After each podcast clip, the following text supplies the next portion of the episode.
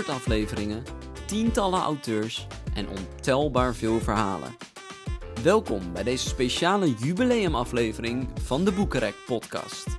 Vandaag vieren we namelijk alweer de 100ste aflevering van deze podcast. 100 afleveringen waarin jij alles hoorde over jouw favoriete auteurs. En om dit bijzondere jubileum te vieren neem ik je vandaag mee door de afgelopen 100 afleveringen en kijken we naar de toekomst van Boekenrek en maak jij ook nog eens kans op een exclusief HarperCollins boekenpakket. Dus volgens mij genoeg redenen om te blijven luisteren. Ben je er klaar voor? Oké, daar gaan we. Als je 100 afleveringen viert, kan je natuurlijk niet zonder terug te blikken naar je allereerste gast. En mijn allereerste gast was de Amerikaanse auteur Mac Wade Clayton. Ze was begin 2020 in Nederland vanwege de promotie voor haar boek De laatste trein naar vrijheid. Het verhaal over de Nederlandse Truus Wijsmuller die alles riskeerde om kinderen uit de handen van de nazi's te houden tijdens de Tweede Wereldoorlog. Where does your fascination with uh, the war come from? Well, that's an interesting question, George. Um, I will tell you that I I grew up in a, one of these big Catholic families uh, where Irish Catholic families where everybody you know gathers around and tells stories, and uh, the big storyteller uh, in my family was my uncle Jim, my dad's brother. Uh, uh, uncle Jim had been in World War II, and he uh, he told all the family stories. We would literally gather around, you know, 30 of us in his uh, living room and he would tell stories about the family and about all sorts of things. You know i know everything about my mom and dad's engagement from my uncle jim. Uh, but but he never spoke of his experience in the war not ever. And after he died he died of lung cancer when he was pretty young. Uh, years later I asked my dad if he'd ever talked to my dad about uh, the war because my dad and my uncle Jim went to law school together after the war. And um, my dad said, no, never. Uh, and I asked my uh, Aunt Jackie, my, uh, my uncle Jim's wife, uh, if she ever spoke with him about the war. And she said, no, not ever. And I knew it was something I was never allowed to ask about. And so for me, um, those are the stories that I most want to know. The stories that people are um, are n- not willing to talk about, um, but that obviously have uh, shaped them in some very profound way.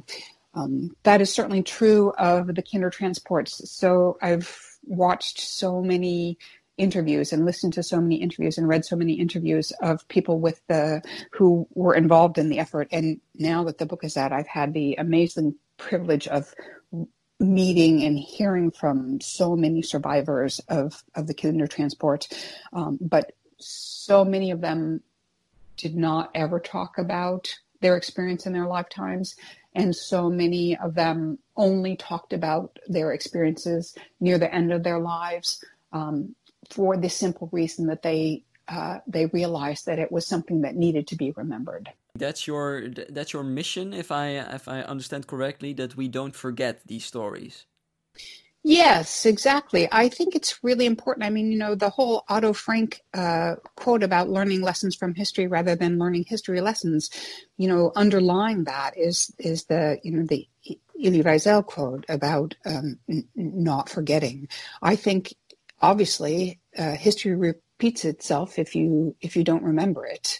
Uh, I think we are seeing a little of that now around the world and uh, with the rise of the far right and so i think it is really really important for us to um, look at uh, what happens in difficult times uh, and to remember that and to learn from the people who have acted bravely and selflessly in those times.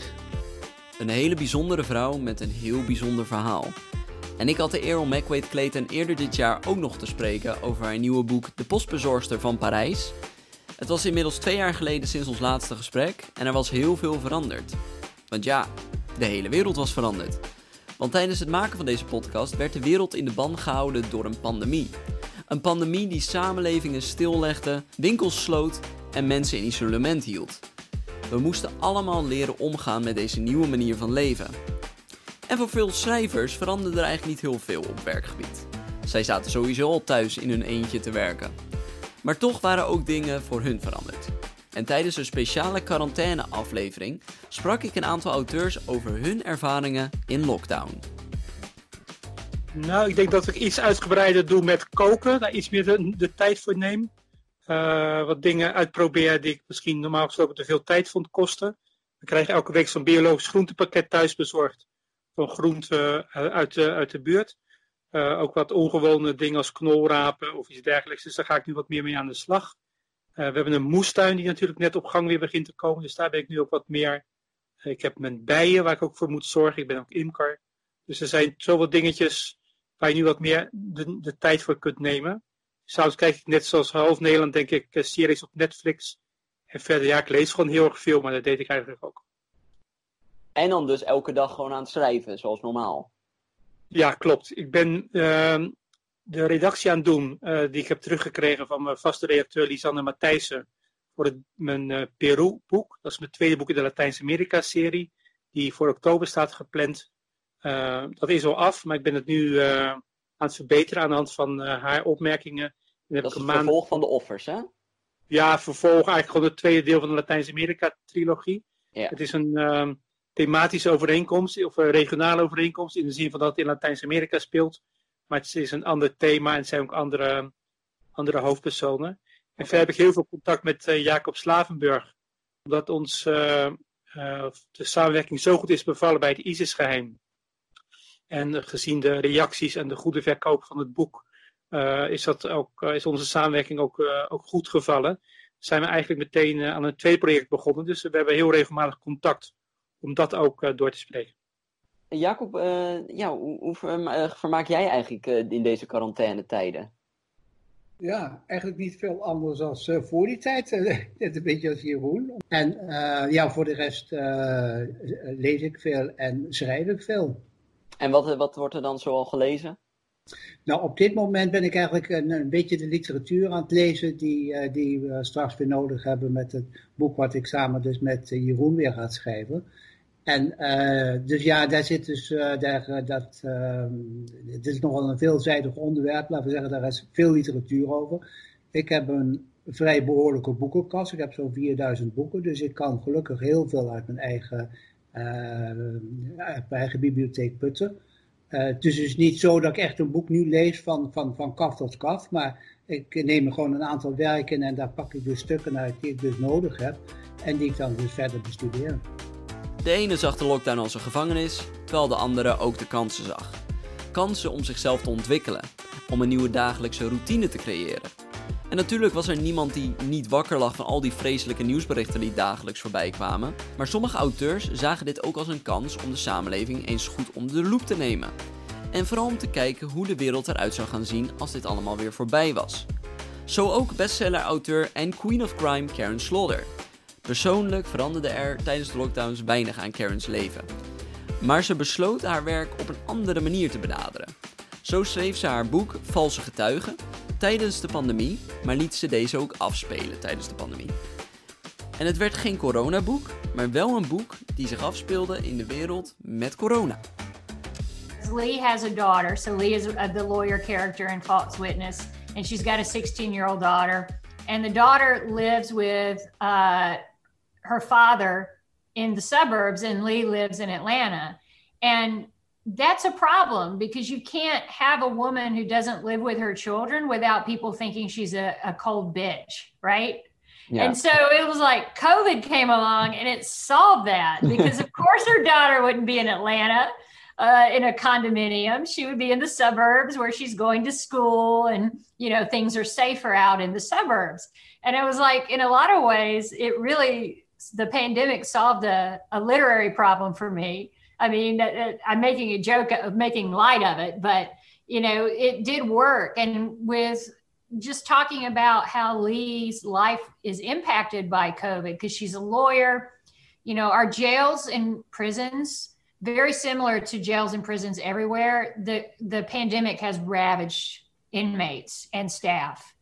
And it's especially harsh here in the United States because inmates have to buy things like soap uh, they're not allowed disinfectants because they can turn them into alcohol or use them as a weapon. So you know, it's just really devastated a lot of prison populations. And if you think about the fact that our prisons are generally in very rural areas, it's the only industry anyone works in, you know, so their support staff, their jailers, their wardens, their corrections officers, captain, you know, all of that.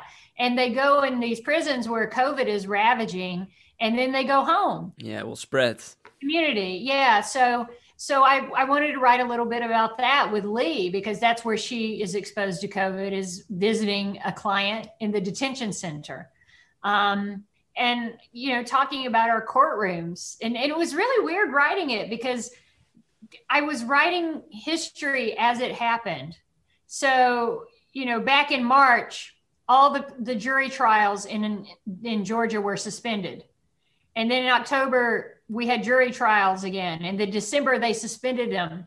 And so I knew I was going to have this courtroom scene, and I didn't, if it wasn't going to be on Zoom. But, you know, it's like, what well, do I write that in person? Do I write, you know, what's it going to look like? Fortunately, last month jury trials were resumed because I was going to have to explain to people, well, you know, it's fiction. So I had this in person, just predicting what it would look like.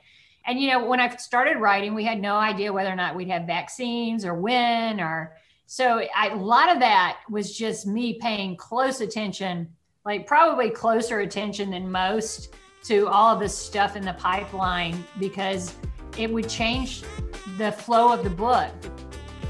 Maar ondanks dat we twee jaar in een pandemie leefden, gebeurden er ook heel veel mooie dingen. We zagen hoe mensen het voor elkaar opnamen, elkaar steunden, verhalen deelden, noem maar op. Er werd weer meer gelezen dan sinds tijden en er verschenen talloze prachtige verhalen voor mensen om zich helemaal in te verliezen.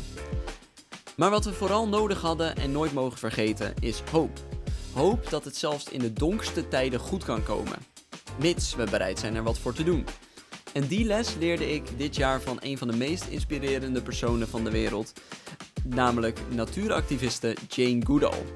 87 jaar oud en nog steeds vecht ze elke dag voor een betere wereld voor zowel mensen, voor dieren, voor de natuur en voor onze planeet. En ook al leven we in een tijd waar opwarming van de aarde, overstromingen, stormen en bosbranden de orde van de dag zijn, toch weet deze vrouw optimistisch naar de toekomst te kijken. We begeven ons op een cruciaal punt in de geschiedenis, maar als we bereid zijn er wat voor te doen, moet het volgens Jane goed kunnen komen. I'm I'm hopeful, but there's always a but. If we come together in time, I'm very hopeful. I know we can do it. The big question is, will we? So with with our roots and shoots in Tanzania, uh, we always try to bring young people together from different countries, usually virtually, but not always, but within a country too. So the last time I was in Tanzania, all the different roots and shoots groups from the schools, from from primary school to university, came together in the Dar es Salaam area, just as we do to share ideas and put up poster boards and, and have fun at the same time. And I found at the end of it, they all got together and they said, Together we can. In other words, we can save the world.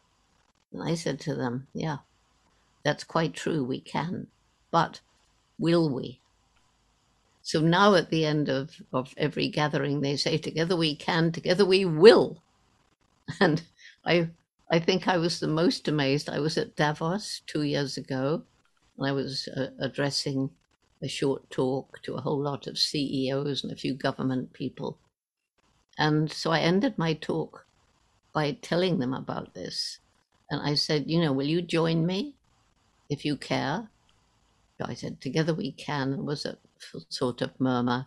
Together we will, a sort of murmur. I said, my goodness, the kids do this so much better. You clearly don't mean it. Shall we try again? They leapt to their feet. And there was a, a political reporter there from Washington, D.C. And he came up to me. He said, Jane, I had tears in my eyes. I never thought to see a group like this behave like that. And he said, I looking at them, and some of them had tears in their eyes too.